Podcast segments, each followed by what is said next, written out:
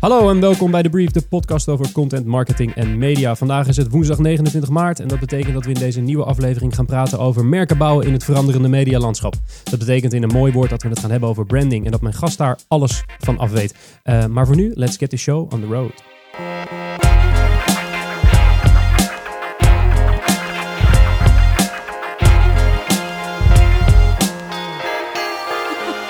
This is The Brief. Terug in de studio inmiddels. En aan mijn linkerhand zit een vertrouwd gezicht en een vertrouwde stem. Frank Goren, mijn waarde collega. Hallo Frank. Hey Mark. Hoe is het ermee? Lekker jongen. Heb je, heb je een fijne afgelopen paar weken gehad? Ik heb hele mooie weken gehad, genoten van de uitzendingen die jullie hebben gemaakt zonder mij. Ach, kijk eens. Wij hebben er ook van genoten. We hebben je zeker ook gemist. Uh, wat, wat, is de mooiste content eh, die je de afgelopen paar weken hebt gezien? Het wordt een beetje saai, maar ik ga het wederom over Patagonia hebben. Uh, onder content marketeers een heel favoriet merk. We hadden het uh, in een van onze eerste afleveringen al over Patagonia toen ze de winst van Black Friday weggaven. Dit keer bearsears.patagonia.com. Uh, Bears Ears is een uh, heel groot natuurgebied in Amerika. Sinds december 2016 beschermd gebied. Uh, onder Obama nog even gefixt. En daar wenst de nieuwe administratie in Amerika wat aan te doen. Wat heeft Patagonia gedaan? Ze hebben de zojuist genoemde website bearsears.patagonia.com opgericht. Vertellen daar waarom dit natuurgebied beschermd moet worden. Ze laten je dat in, in allerlei mooie filmpjes vanuit verschillende invalshoeken zien. En ze vragen je gelijk om actie te ondernemen. Door een petitie te ondertekenen, door te tweeten of door misschien zelfs direct contact op te nemen met uh, de vertegenwoordigers uh, in de huidige regering. Um, ja, ik vind dit, dit prachtig. Het is helemaal consistent in lijn met wat Patagonia altijd doet. Het is voor een good cause en niet onbelangrijk een merk dat zich durft uit te spreken. Kijk eens. Heb je getekend ook? Nee, want het is uh, echt alleen voor Amerikanen. Ah, nou, mocht u nou een Amerikaan zijn en zitten te luisteren, in uh, de beschrijving van deze aflevering, daar vindt u een tekstje en daarin staat een linkje richting uh, de verwijzing die, die Frank net heeft gedaan, want die vindt u in de show notes. En daar, daar, daar hebben we een heel handig linkje voor in de beschrijving, zodat u daar alle verwijzingen uit de uitzending kan terugzien. Aan mijn rechterhand zit, dat ziet u niet, maar daar zit zoals altijd de gast. en deze gast heeft een carrière voor de, achter, achter de rug. Nou, dat is, als, we, als we het allemaal op zouden noemen, dan zou deze uitzending ruim over de 2,5 uur gaan. Maar hij stond aan de top van de markt om bij, bij TNT, Telfort, Ikea, net, uh, Ikea SNS Bank. Heeft heel veel dingen gedaan met KPN. Uh, had on, in 2012 tot 2015 was hij founder, owner en managing partner van de videopartij Tincan. Maar inmiddels is hij manager marketing, communications en brand management bij Pol.com. Dries Poels. Hi Dries. Hey Mark. Hoe is het? Hey Frank. Ja, hartstikke goed. Ja? Heb je er zin in? Ik heb er hartstikke veel zin in. Is het de eerste keer dat je te gast bent in een podcast? Dit is zeker de eerste keer. Maar luister je podcast? Ik luister wel podcasts, maar dat zijn uh, meestal uh, house podcasts. Ah, en, en, en een klein vogeltje vertelde me dat je zelf ook DJ't? Ja, maar dat uh, mag geen grote naam hebben. Okay. Dus maak vooral geen reclame. Oh, Oké, okay. nou, uh, dat gaan we lekker wel doen. In, in de beschrijving van deze podcast vindt u dus dat linkje naar de show notes. Daar gaan we een, een track van, uh, van Dries neerzetten, van een setje van Dries neerzetten. Gaat hij speciaal voor deze uitzending maken, weet hij nog niet. Maar gaat hij wel doen. En we gaan nu naar het nieuws. Ja, het nieuws van de afgelopen twee weken. Eerste nieuwsitem komt bij ons via AdAge. En uh, um, gaat eigenlijk over Bacardi, uh, een rapper en kunst. Want wat gaan ze doen? Uh, Bacardi gaat uh, Swiss Beats, dat is de rapper waar we het over hebben. Uh, die gaat een initiatief, samen met die rapper gaat, gaan ze een initiatief oprichten. Dat heet No Commission. En wat is No Commission? Dat zijn een aantal kunstbeurzen of kunsthandelbeurzen zijn het eigenlijk. Um, waar het, het, merk en de rapper een vuist maken tegenover galerieën. Want die, eigenlijk wat ze zeggen is, iedere galerie rekent commissie voor de werken die ze verkopen. Daardoor wordt kunst veel te duur en ontoegankelijk. En daar moeten we, wat aan tegen, daar moeten we iets, iets tegen doen. Dat initiatief kwam oorspronkelijk van Swiss Beats en, en Bacardi is daarbij uh, bij, uh, ja, bij ingestapt eigenlijk. Um, uh, met als resultaat dat, dat ze al een, een pilot hebben gedraaid in, in de Bronx. Um, volgens meneer Beats zelf is daar ja, de brand awareness van Bacardi met 30% omhoog gegaan. En 98% van het, van het werk op die beurs is verkocht. Nu komt dat uit de mond van de initiatiefnemer van deze beurs. Dus misschien ja, met een heel klein beetje gekleurd antwoord, denk ik. Maar Frank, dit is wel een interessante move, hè? Ik vind het een uh, hele interessante move. Um, leuk dat Bacardi dit initiatief ondersteunt. Um, wat ik er mooi aan vind is dat het merk hiermee ook weer maatschappelijke relevantie heeft door kunst naar de mensen te gaan brengen. Ehm, je kan je vraagtekens stellen bij is een drankmerk nou de logische partner voor kunst? Ja. Maar ik denk dat je dat bij bijna alle initiatieven van drankmerken kunt zeggen. Want ja, waar moet je je anders aan verbinden? Eh, een groot op het Leidseplein sponsoren lijkt me ook niet helemaal eh, de logische plek. Nee. Ehm, en ik vind dit een, eh, ja, een mooi initiatief. eh, passend bij het merk. Trekt het iets hoger. Ehm, ja, leuk. Kan niet anders zeggen. Ja, wat, wat vind jij ervan, Dries? Is het een, eh, Ja, ik vind het een gouden fonds van Bacardi. Ik vind het slim dat ze zich op deze manier eh, profileren. En het past ook wel bij Bacardi. Bacardi heeft toch ook wel een beetje een eh, urban vibe. En eh, zeker met deze k- eh, kunstbeurzen. ik geloof dat ze in de South Bronx zijn begonnen. ja, Ja, ik vind het een goede brandfit. Ja, het grappige was ook dat meneer Beats zelf het gras voor alle grappenmaaiers eh, eh, voeten eh, wegmaaide.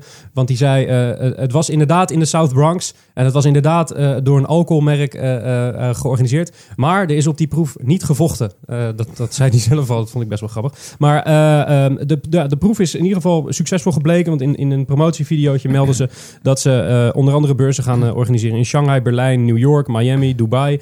Nou, dat zijn niet de minste plekken. Dus ongetwijfeld dat Bacardi hier veel aan gaat hebben. Mooi initiatief. Ehm, dat was een internationaal voorbeeld. Maar het nieuwsitem nummer twee komt van een oer-Nederlands merk, eh, Frank. Ja, we hebben het over de HEMA. Ehm, HEMA kwam met een eh, grappige commercial met de familie Paashaas in een fotostudio. Eh, alles bedoeld om een paaseierenzoektocht in HEMA-filialen te promoten. Erg leuke commercial. niet briljant, maar de ex- executie had een aantal erg sterke elementen. Een paar grappige vondsten.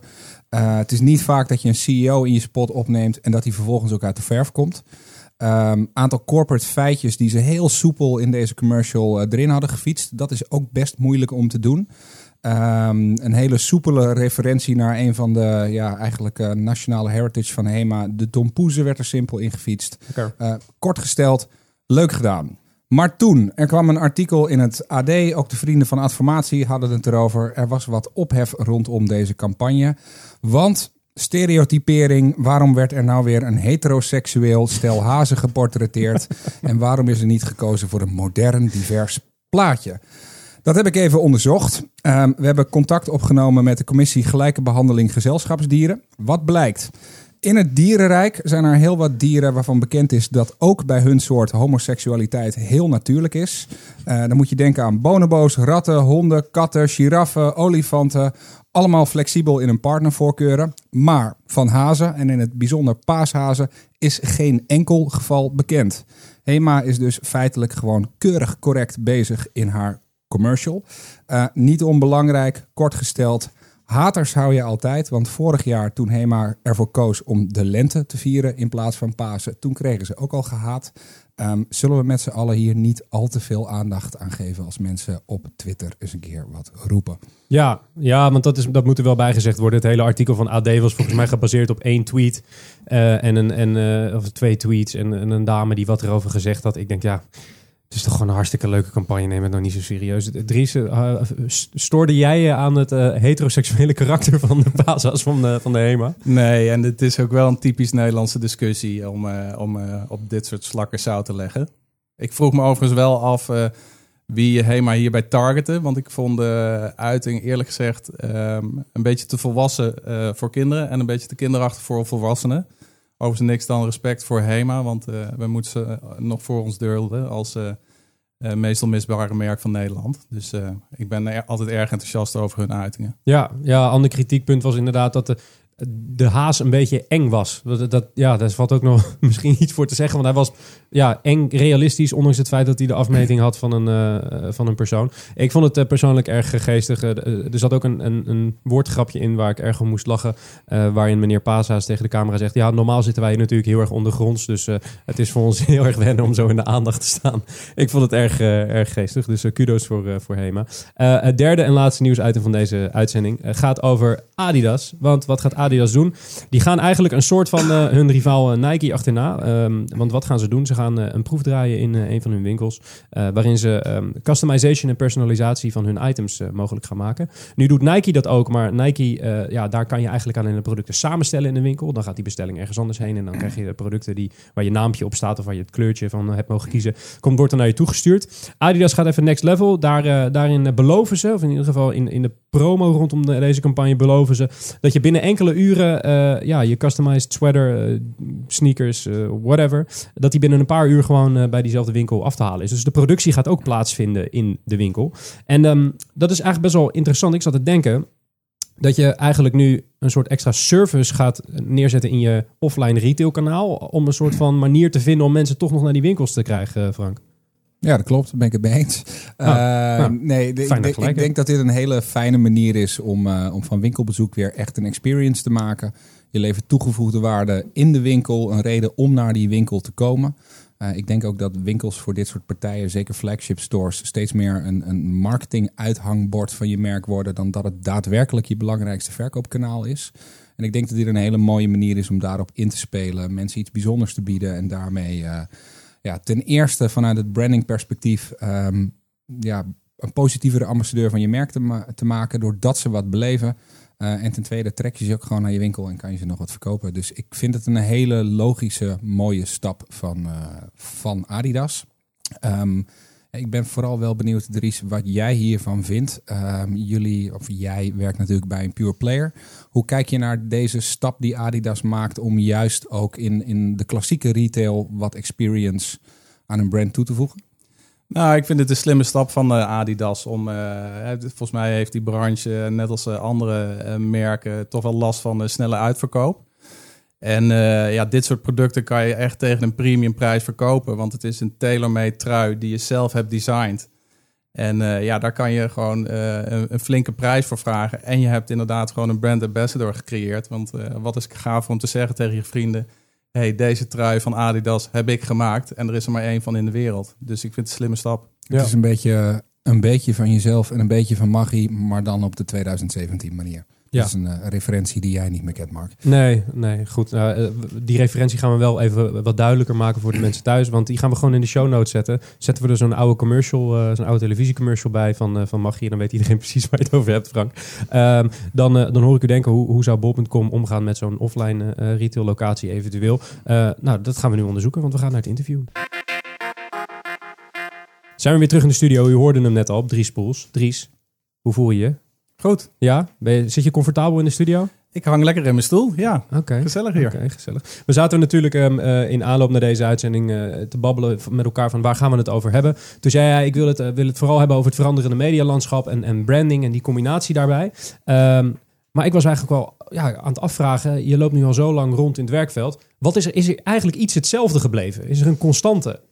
Nou, dat is een goede vraag. Ik denk dat de constante is dat met key is voor een merk om vanuit een vaste en heldere merkmissie te werken. En dat wordt steeds belangrijker in een veranderend medialandschap. En als je kijkt naar wat er, wat er extreem is veranderd? Nou ja, dat het medialandschap echt versplinterd is. En dat je echt per media moet gaan kijken wat je doelgroep is. En of dat nou online uh, bannering is, of dat social is, of dat tv is. Ja, een markom specialist moet van alles verstand hebben. Ja, nou, ik kan me ook voorstellen dat je, je hebt natuurlijk uh, op zoveel verschillende plekken gezeten. Uh, en op zoveel plekken ook mensen gemanaged. Dat, zit er uh, een verschil tussen een goede marketeer toen je begon en een goede marketeer nu? Zijn er bepaalde skills die ze moeten hebben? Of ja, nieuwe skills die ze door de jaren heen hebben moeten ontwikkeld?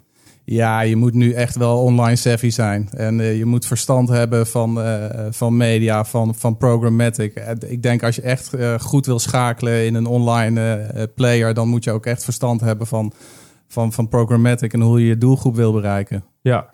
Hey, we, we, hoorden in een vorige aflevering Arno Peperkorn zeggen met marketeers worden weer steeds meer analisten. Onderschrijf jij dat?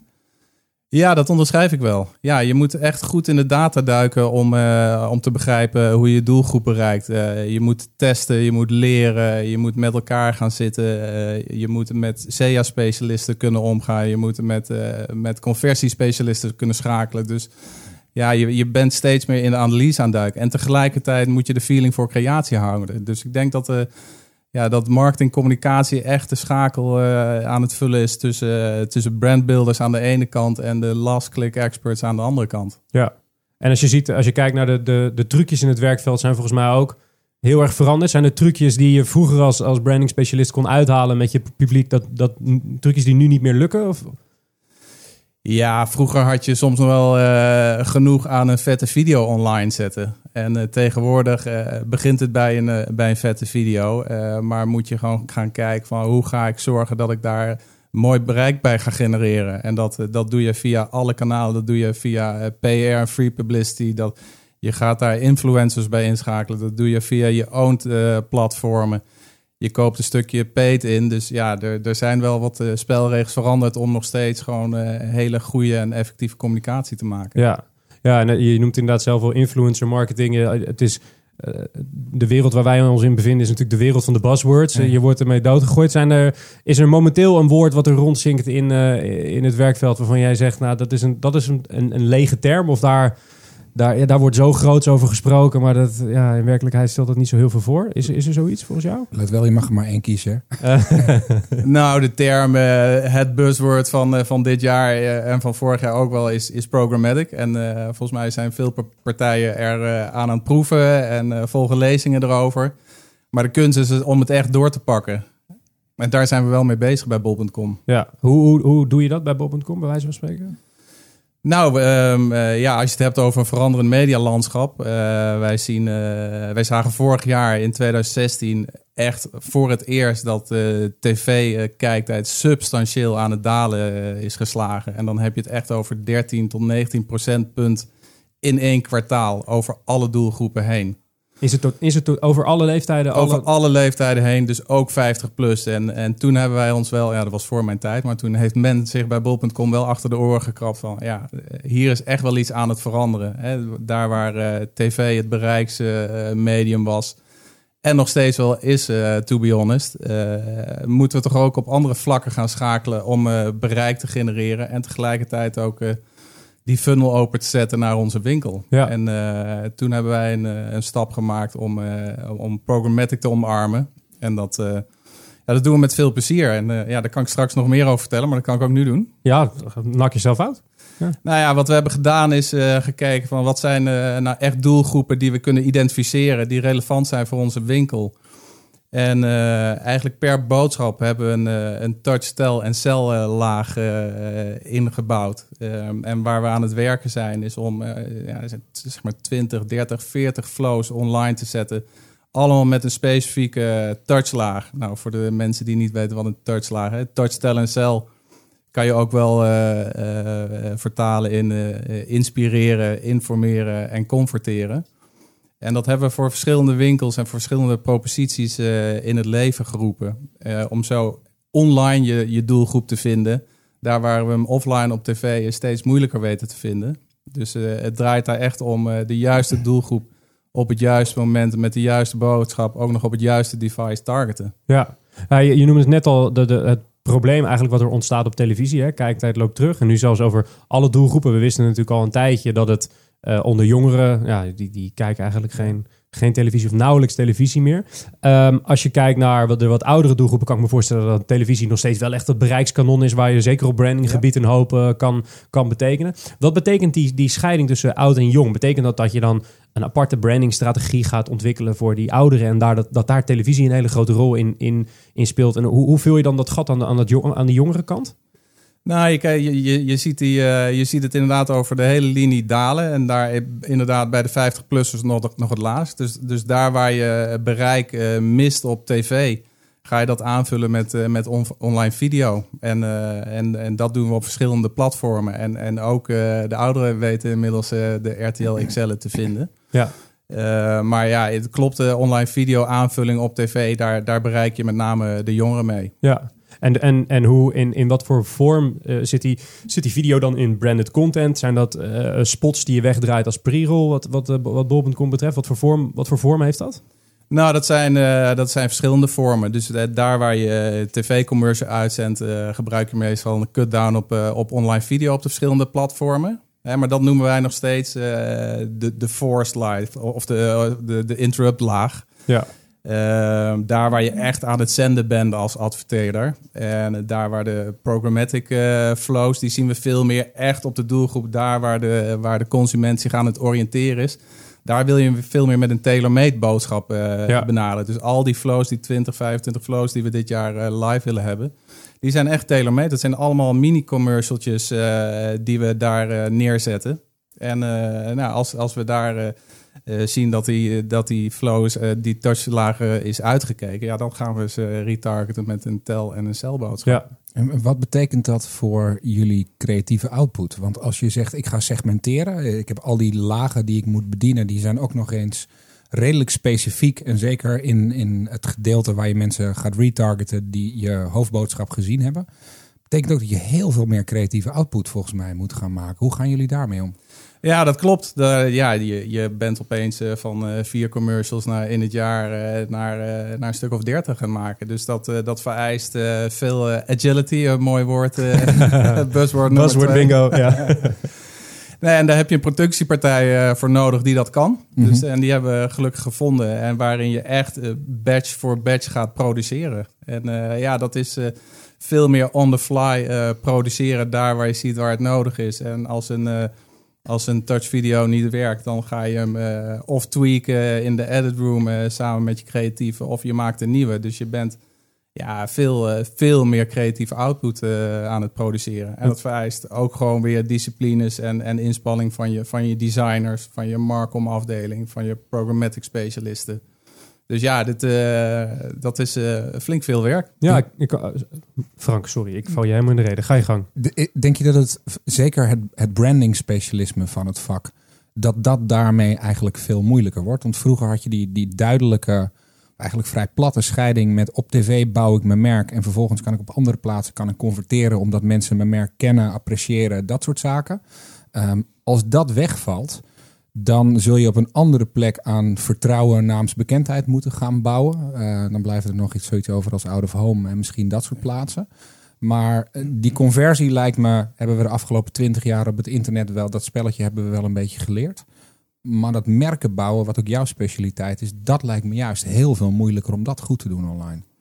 Ja, dat klopt. Ehm, en, en dat maakt het ook leuk. Hè? Dat, dat maakt het ook spannend. Eh, zeker als je gewoon eh, wat meer eh, in je doelgroep duikt, ga je, dan, dan moet je ook echt stories gaan schrijven van ja, maar wat triggert die consument of die geïnteresseerde in tv's nou? hoe kunnen we die verleiden om deze video, inspiratieve video te kijken van bol.com?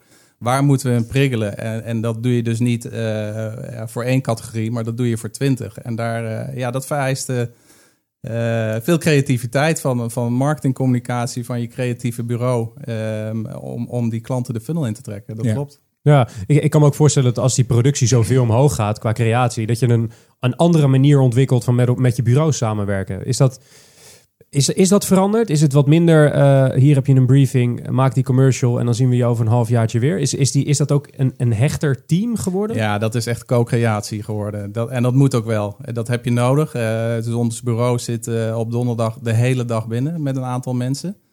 Waarin we niet alleen de programmatic flow eh, behandelen, maar ook al onze communicatie naar onze verkopers die aan ons platform, die op ons platform verkopen.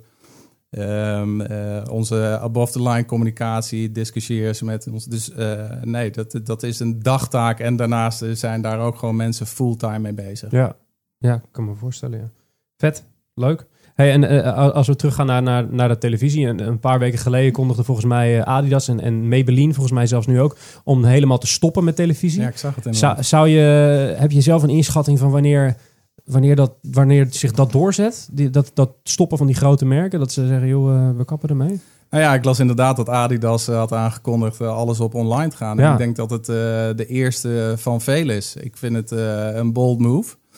Ik kan niet goed inschatten of, eh, of dat voor andere merken ook aanstaande is. Maar ik denk wel, ja, als ik zie hoe, in, hoe snel die kijkcijfers aan het dalen zijn, dat, ja, dat we het hebben over vijf jaar. Ja, ja en, en nou, we, zeiden net inderdaad, eh, dat roepen we al een tijdje. hè, Televisie is dood of te- televisie is stervende. De- Twee jaar geleden was daar ineens een, een, weer een buzzword, addressable TV. Ja, Eh, dat zou de redding worden voor, eh, eh, ja, voor, de, voor dat, die dalende kijkcijfers. Want je zou veel ge- gespitser, veel getargeter eh, televisiecommercials kunnen laten afdraaien. In plaats van dat je zo met hagel schiet. Eh, maar waar blijft dat addressable TV? Dat, het lijkt wel een beetje een soort van in thin air verdwenen.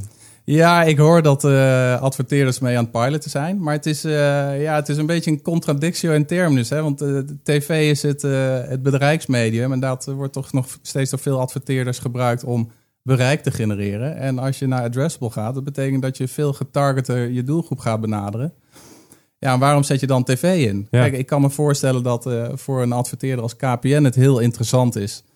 Eh, want zij weten precies eh, wie thuis KPN-TV heeft. En ze weten ook wie op dat adres, eh, of dat, op dat adres mobieltjes van KPN Ja. in de lucht hangen. Nou, als dat niet het geval is, dan kunnen zij heel getarget en toch nog met een, met een grote doelgroep een commercial uitzenden van hey, word compleet klant en sluit mobieltjes aan en, en pak de voordelen van compleet. Ja, ja. Ja, ik ben benieuwd of dat, of dat het nou uiteindelijk door gaat, door gaat zetten of dat het een beetje blijft hangen. Ik vind de tegenstelling die jij benoemt heel interessant. Dat je in principe je kanaal aan het... Ja, je maakt je kanaal smaller, terwijl dat kanaal oorspronkelijk bedoeld was om juist heel veel mensen doorheen te laten, laten gaan. Dus ik ben benieuwd hoe zich, hoe zich dat ontwikkelt. Misschien dat het pas doorzet op het moment dat de televisie echt niks anders is dan het monitor waarop we internetten in onze in Nou, onze ik denk dat het daar naartoe gaat. Ik denk dat het in the end wordt het een, eh, een, een, eh, een medium in de programmatic mix. Daar waar je gewoon eh, platformen kiest voor je, voor, voor je banners en, en, en video's. Wordt eh, zeg maar lineaire tv dan een eh, aanvullend kanaal als het, eh, als het eenmaal op het internet is aangesloten. Ja, dat, dat kan, mij niet, kan mij niet anders. Meer, meer content in de woonkamer dan. Als je kijkt naar de rol van content, want wij zijn vanuit huis uit, zijn Frank en ik natuurlijk content marketeers. Hoe, hoe groot is de rol van content in de marketingmix van, van een bol.com? Ja, wat is content? Ik vind content ook best wel een containerbegrip. Wat mij, wat mij betreft is alles wat wij maken content. Ik denk dat Mark doelt op meer editorial ingestoken content dan, eh, dan Ja. op de, de commercial waar je het net over had, die je in je touchlaag neerlegt. Ja, Ehm, is de inspiratieve ehm, en, en meer editorial ingestoken content, is dat een factor binnen, binnen jullie organisatie? Ja, dat is een. eh, dat Oké, op die manier. Ja, dat is een hele grote factor. Eh, we hebben de retail media groep binnen bol.com. En eh, de- ja, dat is eigenlijk ook gewoon een online publisher waarin we op een aantal vlakken, zoals tech en beauty, online magazines eh, publiceren. eh, waar we advertentieinkomsten op genereren. En dat is echt een apart verdienmodel eh, voor bol.com. Eh, dus daar wordt heel veel content voor gemaakt, jazeker. En, en is het naast verdienmodel, want dat kennen we van retailers hè, eh, eh, in het verleden en ik geloof nog steeds wel zijn ook volle proposities vaak voor retailers eh, een inkomstenbron eerder dan een uitgavenpost. Maar zet je het ook in om dat merk van jullie te laden met verhalen over de shop? Of is dat juist lastig omdat jullie, ehm, hoe zal ik het netjes zeggen, meer intermediair zijn dan dat je een eigen product levert? Ja, ik denk dat dat op die bladen echt lastig is. Daar wil je toch gewoon inspiratie bieden eh, voor de lezers. Hè, in het Mhm. omveld waar ze zich prettig in voelen. Dus zij komen daar eh, op een beauty-omgeving en willen geïnspireerd worden op, eh, op beauty-producten. Ik denk dat het daar niet past om, om bol.com tailor-made content te draaien. Maar wat natuurlijk wel ideaal is, eh, is als je ze daar gelijk kan doorlinken naar je shop. Ja. Dus dat, eh, dat is het mooie daarvan. En door het feit dat je facilitator van die content bent, heeft het direct ook al invloed op je brand. Want je brengt mensen iets waar ze op zitten te wachten. Exact, ja. Ja.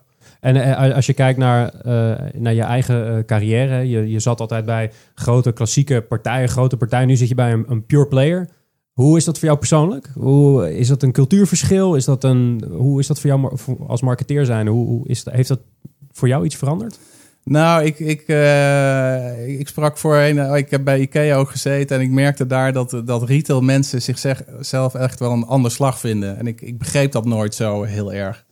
En eh, nu ik daar zo zit, ja, echt in een e-tailer, ja, ik vind het waanzinnig gaaf om niet eh, proberen een hypotheek te verkopen of een spaarproduct of een eh, telefoonabonnementje, maar gewoon elke dag te vechten voor 14 miljoen producten om die klik te genereren. Ja. En dat vind ik waanzinnig mooi eh, bij bol.com. En dat is echt een, een dynamiek die ik nog niet eerder kende. Dus ik, ik begrijp waar die retail mensen het eerder over hadden. Je wordt zelf ook een beetje retailer, bijna. Ja, Ja?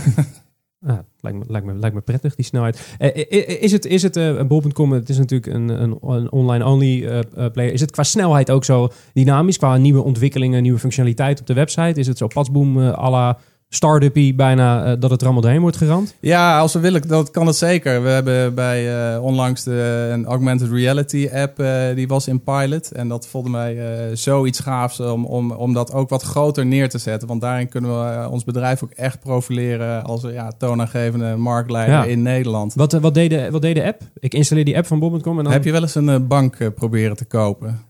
Ja, zeker. En, zeker. en, en hoe kijk je dan of die bij je gordijnen past?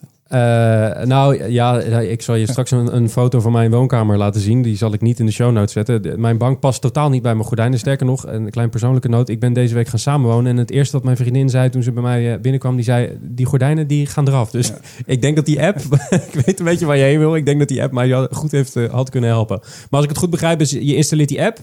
Dan heb je je bank en dan zie je dat in je woonkamer staan. Ja, je installeert die app. Je zorgt dat je een lege plek in de woonkamer hebt. En eh, eh, je, je kan gewoon door je mobiele scherm kijken hoe die, hoe die bank in je woonkamer staat. Je kan swipen met de kleuren. Ja, en ik vind dat een eh, waanzinnige toevoeging om, om onze online winkel ja, nog mooier te maken. En te zorgen dat, dat vooral mensen niet meer offline gaan kopen. Ja, dus, dus wordt, dat, wordt dat nu ook, kunnen we een scoopje krijgen? Wordt dat nu groot breder uitgerold? Of is dat, kan je daar niks over zeggen? Daar kan ik nog niks over zeggen. Eh, verdomme, verdomme. Eh, eh, als je kijkt naar, we hadden het net al heel eventjes over, over die, die offline retailkanalen, hè, de offline winkels. Nu weet ik dat een, een blauwe concurrent van jullie, die heeft, hebben een offline, Coolblue heeft een, heeft een winkel waar men heen kan om, om- voor service en voor dingen terugbrengen en dingen bekijken, et cetera. Amazon doet het ook. Wat, is jouw, wat is jouw visie erop, op zo'n, op zo'n, op zo'n offline locatie bij een online-only player? Nou, ik denk dat het eh, bij je strategie moet passen. Kijk, eh, bol.com eh, kiest er heel bewust voor om dat nog niet te doen. En, en dat wij echt al onze energie steken om ons online platform nog beter te maken. Nog meer producten aan te hangen. Nog meer mooie verkopers aan ons platform te koppelen. Zodat we echt die longtail vullen. En dat je eigenlijk alle unieke producten ook tegen een goede prijs kan kopen bij ons. Ja. En eh, ja, met, met, met, eh, met pilots en nieuwe toepassingen als eh, augmented reality. We investeren ontzettend veel in, in wat we noemen de last mile. Dus dat het product kan bezorgd worden waar en wanneer je wilt. Ehm, dus daar eh, steken wij vooral onze eh, energie in. Ja, en als je kijkt naar plekken waar je in het verleden eh, zat als, als branding marketeer, hoe, hoe belangrijk was die offline locatie voor je, voor je branding KPI's bijvoorbeeld? Hoe vertaalde zich dat door? Nou ja, we hadden het er net al even over. Het is, voor sommige merken is het niet meer dan een, dan een flagship store. Kijk, als ik hier door de winkelstraat, ik zeg hier, maar ik woon in Den Haag. Als ik in Den Haag door de winkelstraat loop, dan zie ik daar een winkel van Le Creuset zitten. Ehm, ja, dan, dan kan ik niet denken dat dat, eh, dat dat een viable locatie is waar ze eh, genoeg pannen verkopen om, om winstgevend te zijn. Maar het is wel een fantastische winkel en een flagship store voor je merk. Ja. En ik denk dat dat ook, ja, dat geldt echt voor elk merk, eh, is dat anders. Voor KPN hebben ze die retail natuurlijk nog hartstikke hard nodig om hun producten en diensten te verkopen. Ja. Dus, dus het hangt echt van je business model af of je gewoon een fysieke outlet eh, eh, nodig hebt. Ja, ja als, je, als je kijkt naar een Apple, die, die geven volgens mij geen cent uit de marketing. Die hebben die winkels en dat is eigenlijk de marketing aan zich. Ik kan me niet voorstellen dat ze daar nou, eh, gezien de locaties waar ze soms op zitten, dat ze daar ondanks hun dure producten heel veel cent aan verdienen aan die, aan die retail locaties. Hey, als je gaat kijken naar eh, ehm, eh, het, het afrekenen op je, je KPI's, waar je, waar je prestaties als branding marketeer aan worden gekoppeld, zijn die veranderd door de jaren heen? Want wij zien als, als content marketeers dat, eh, dat, het ge- dat het... Nu gaan we richting kwalitatief bezoek. eh, doorkijkpercentages, eh, aantal pagina's per bezoeker, time on site. Dat soort, dat soort KPI's. eh, die vooral... ze allemaal al op. Ja, ja, maar is, zie jij die... Is dat binnen jouw sector is dat een beetje hetzelfde? Ja, zeker. Daar waar je voorheen eigenlijk niet heel veel kon zien dan wat heeft mijn campagne achteraf gedaan op de eh, merkoverwegingen, voorkeur en wat was de likability van mijn commercial. Zit je nu veel meer op dat soort KPI's. Zeker eh, als je het hebt over eh, je online programmatic flows. Ga je kijken van ja, hoeveel procent kijkt de video uit? Is dat voldoende? Wat is de CTR? Eh, hoe lang blijven ze op ons platform eh, hangen? Eh, wat is de conversie daarvan? Ja, ja, dat waren voorheen een soort van eh, onzichtbare eh, online eh, KPI's. eh, in ieder geval voor mij als Marcom specialist. En nu vind ik het heel gaaf om met mijn team ook eh, daarmee te sturen met het team van online specialisten. Ja. En als je, als je nu kijkt naar de, de, daar ga je op sturen. Als je kijkt naar de sturing van Dries Poel zelf. Je zit nu bij bol.com. Wat is je volgende uitdaging? Wat is, het, wat is de volgende stap voor jou? Nou, wat je, wat je ziet is dat bol.com de afgelopen jaren zich heel erg heeft gefocust op de communicatie rondom eh, de winkels. We hebben onwijs uitgebreid in het aantal winkels. De winkel van ons allemaal was eh, en is nog steeds eh, onze payoff. Daar zat ook de, de, communicatie op. Dus best wel product- en productline gedreven. En ik denk dat we nu de volgende stap aan het maken zijn om ook onze mentaliteit en ook ja, de brand love van, van, van bol.com te gaan laden. Dus we, ik denk dat we iets meer gaan afstappen van de, van de winkels laden en iets meer van onszelf laten zien. Um, dus de, daar kijk ik enorm naar uit. En uh, ik, ik, stipte net al twee lagen aan. Uh, we, hebben, we hebben zeg maar de interrupt laag van, van, van broadcast media. We hebben de programmatic laag. We hebben dan nog een, een derde laag in onze mediaplan. Dat is de invite laag. En daarin willen we echt engaging content gaan maken. Um, die we een paar keer per jaar, meestal is dan online video wel het startpunt. Maar die gaan we, die gaan we echt groot uh, aanvliegen. En daar, daar zul je ook meer het echte gezicht van, of nou, het echte gezicht, maar een, een, een heel positief gezicht van bol.com gaan zien. We kijken, we kijken er naar uit. Over content gesproken, we sluiten het interview altijd af met één standaard vraag. Dat is, wat is de beste content die jij de afgelopen tijd hebt gezien? Is er een film? Is er een documentaire? Is er een, een banner? Is er een, is er een podcast die je de laatste tijd hebt, hebt gecheckt waarvan je denkt dat moeten die luisteraars eventjes. Ja, ik, uh, zoals ik zei, volgens mij eerder in het interview, ik heb gewerkt bij IKEA en dat was volgens mij in 2010, 2011. En toen waren we helemaal in de ban van een, een do-it-yourself banner. Dat was, dat was de ban op dat moment. Dat was een, een creatief concept ontwikkeld door het, het Duitse bureau van IKEA. En uh, dat, dat was uh, als volgt. Er was een skyscrapertje in je, in je beeldscherm. En daar zag je een, uh, een IKEA-doosje bewegen. Als je daar met je muis op klikte, dan kwam er een interactief foldertje uit. En met dat, je kent het wel, het IKEA-foldertje, daar kon je doorheen bladeren. En die gaf in drie korte instructies weer hoe je je eigen banner moest maken. Dus je sleepte een venstertje je beeldscherm in. En dan kwam er een, een TL-balkje. En dan moest er nog een venstertje voor. En dan kon je het lichtje aanklikken. Dan ging de banner werken en zag je daar, uh, I don't know, een bed. Uh, en dan, die telde, die zei van uh, 2,99 naar 2,49. Ja, en toen kwam de slogan van IKEA eronder door. you do your part, we do ours. Together we save money. Ja, dat vond ik zo waanzinnig gaaf. Grappig. Dat is een bureau van IKEA Duitsland. Grabarts heet ze. Nou, we zetten de link wel in de, in, in de, show notes. In de show notes. Zeker. En die hebben nu iets nieuws. Hetzelfde bureau ook weer voor IKEA gemaakt. Ik dacht, ik blijf toch in de retailhoek. En wat ze hebben gedaan is, ze hebben een campagne ontwikkeld voor Pax. Nou, wie heeft er hier niet een, een Heel- ooit heel in elkaar proberen te zetten? Nou, zij wilden eh, de wereld laten zien dat de Pax modulair eh, op te bouwen is. Hè, van element tot twee elementen tot drie elementen. En eh, ze hebben gepartnerd met eh, een hele grote eh, webwinkel in Duitsland. We Are eh, heet die geloof ik. Het streetwear eh, verkoopt ze. En ze hebben gekeken van nou, hoe kunnen we nou dat modulaire echt op een eh, in-your-face plek communiceren. eh, ja, waar iedereen eh terechtkomt. En wat ze hebben gedaan is het winkelwagentje. eh, dus waar je met je muis op klikt om een product toe te voegen. Dat hebben ze vervangen door een geel met zwart Pax logotje. En hoe meer producten je in je winkelwagentje stopte, of eigenlijk op dat Pax-logotje klikte, hoe groter die Pax-kast werd. En eh, uiteindelijk, als je naar de checkout ging, stond daaronder ook nog een banner van: hey, je hebt maar liefst vijf producten eh, gekocht. Gelukkig heeft eh, IKEA een modulaire Pax-kast. Dus eh, iedereen kreeg in de, in de checkout een, eh, ja, een custom-made banner. Die vervolgens ook weer doorlinkte, als je daarop klikte, naar, naar de Pax-constructie-pagina. Grappig. Ja, en ik vond het zo'n waanzinnig simpel, maar super sympathiek en slim gevonden IKEA-campagne. En, en wat ik ook heel gaaf vond, is dat gewoon twee retailers met elkaar samenwerken en, en de vruchten van elkaars merk plukken. En het is ook nog schaalbaar. Ik bedoel, IKEA hoeft dit niet alleen voor We Are in te zetten, maar ze kunnen het ook voor, voor andere retailers gebruiken. Ja. Dus ik vond het wederom van dit bureau echt eh, een, een fantastische vinding. Tof. Mocht u nou benieuwd zijn naar die uiting, die gaan we gewoon verwerken, zoals eh Dries zelf net al, net al zei, in de show notes. Eh, die kunt u vinden op brainpakkerkent.com slash podcast.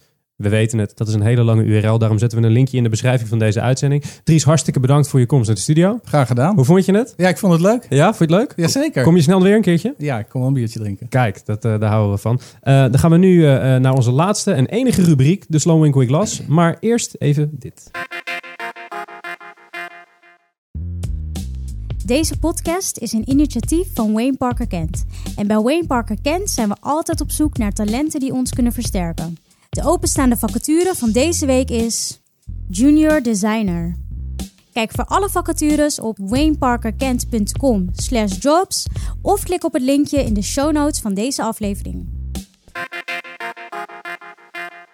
En we zijn weer terug. En dat betekent dat we naar onze enige rubriek gaan, de Slow Win Quick Loss. En in de Slow Win Quick Loss krijgt een merk, een entiteit, een bedrijf eh, dan wel een Slow Win, dan wel een Quick Loss. Dus ze hebben of iets goed gedaan in de afgelopen twee weken, of iets slecht gedaan. Eh, en ik mag eh, positief doen deze week, want ik heb de Slow Win. Eh, en ja, die gaat naar een spelletje, Big Bang Legends. En dat is een, ja, dat is een, een game. Die, het nieuwsbericht komt bij ons via Mashable.com.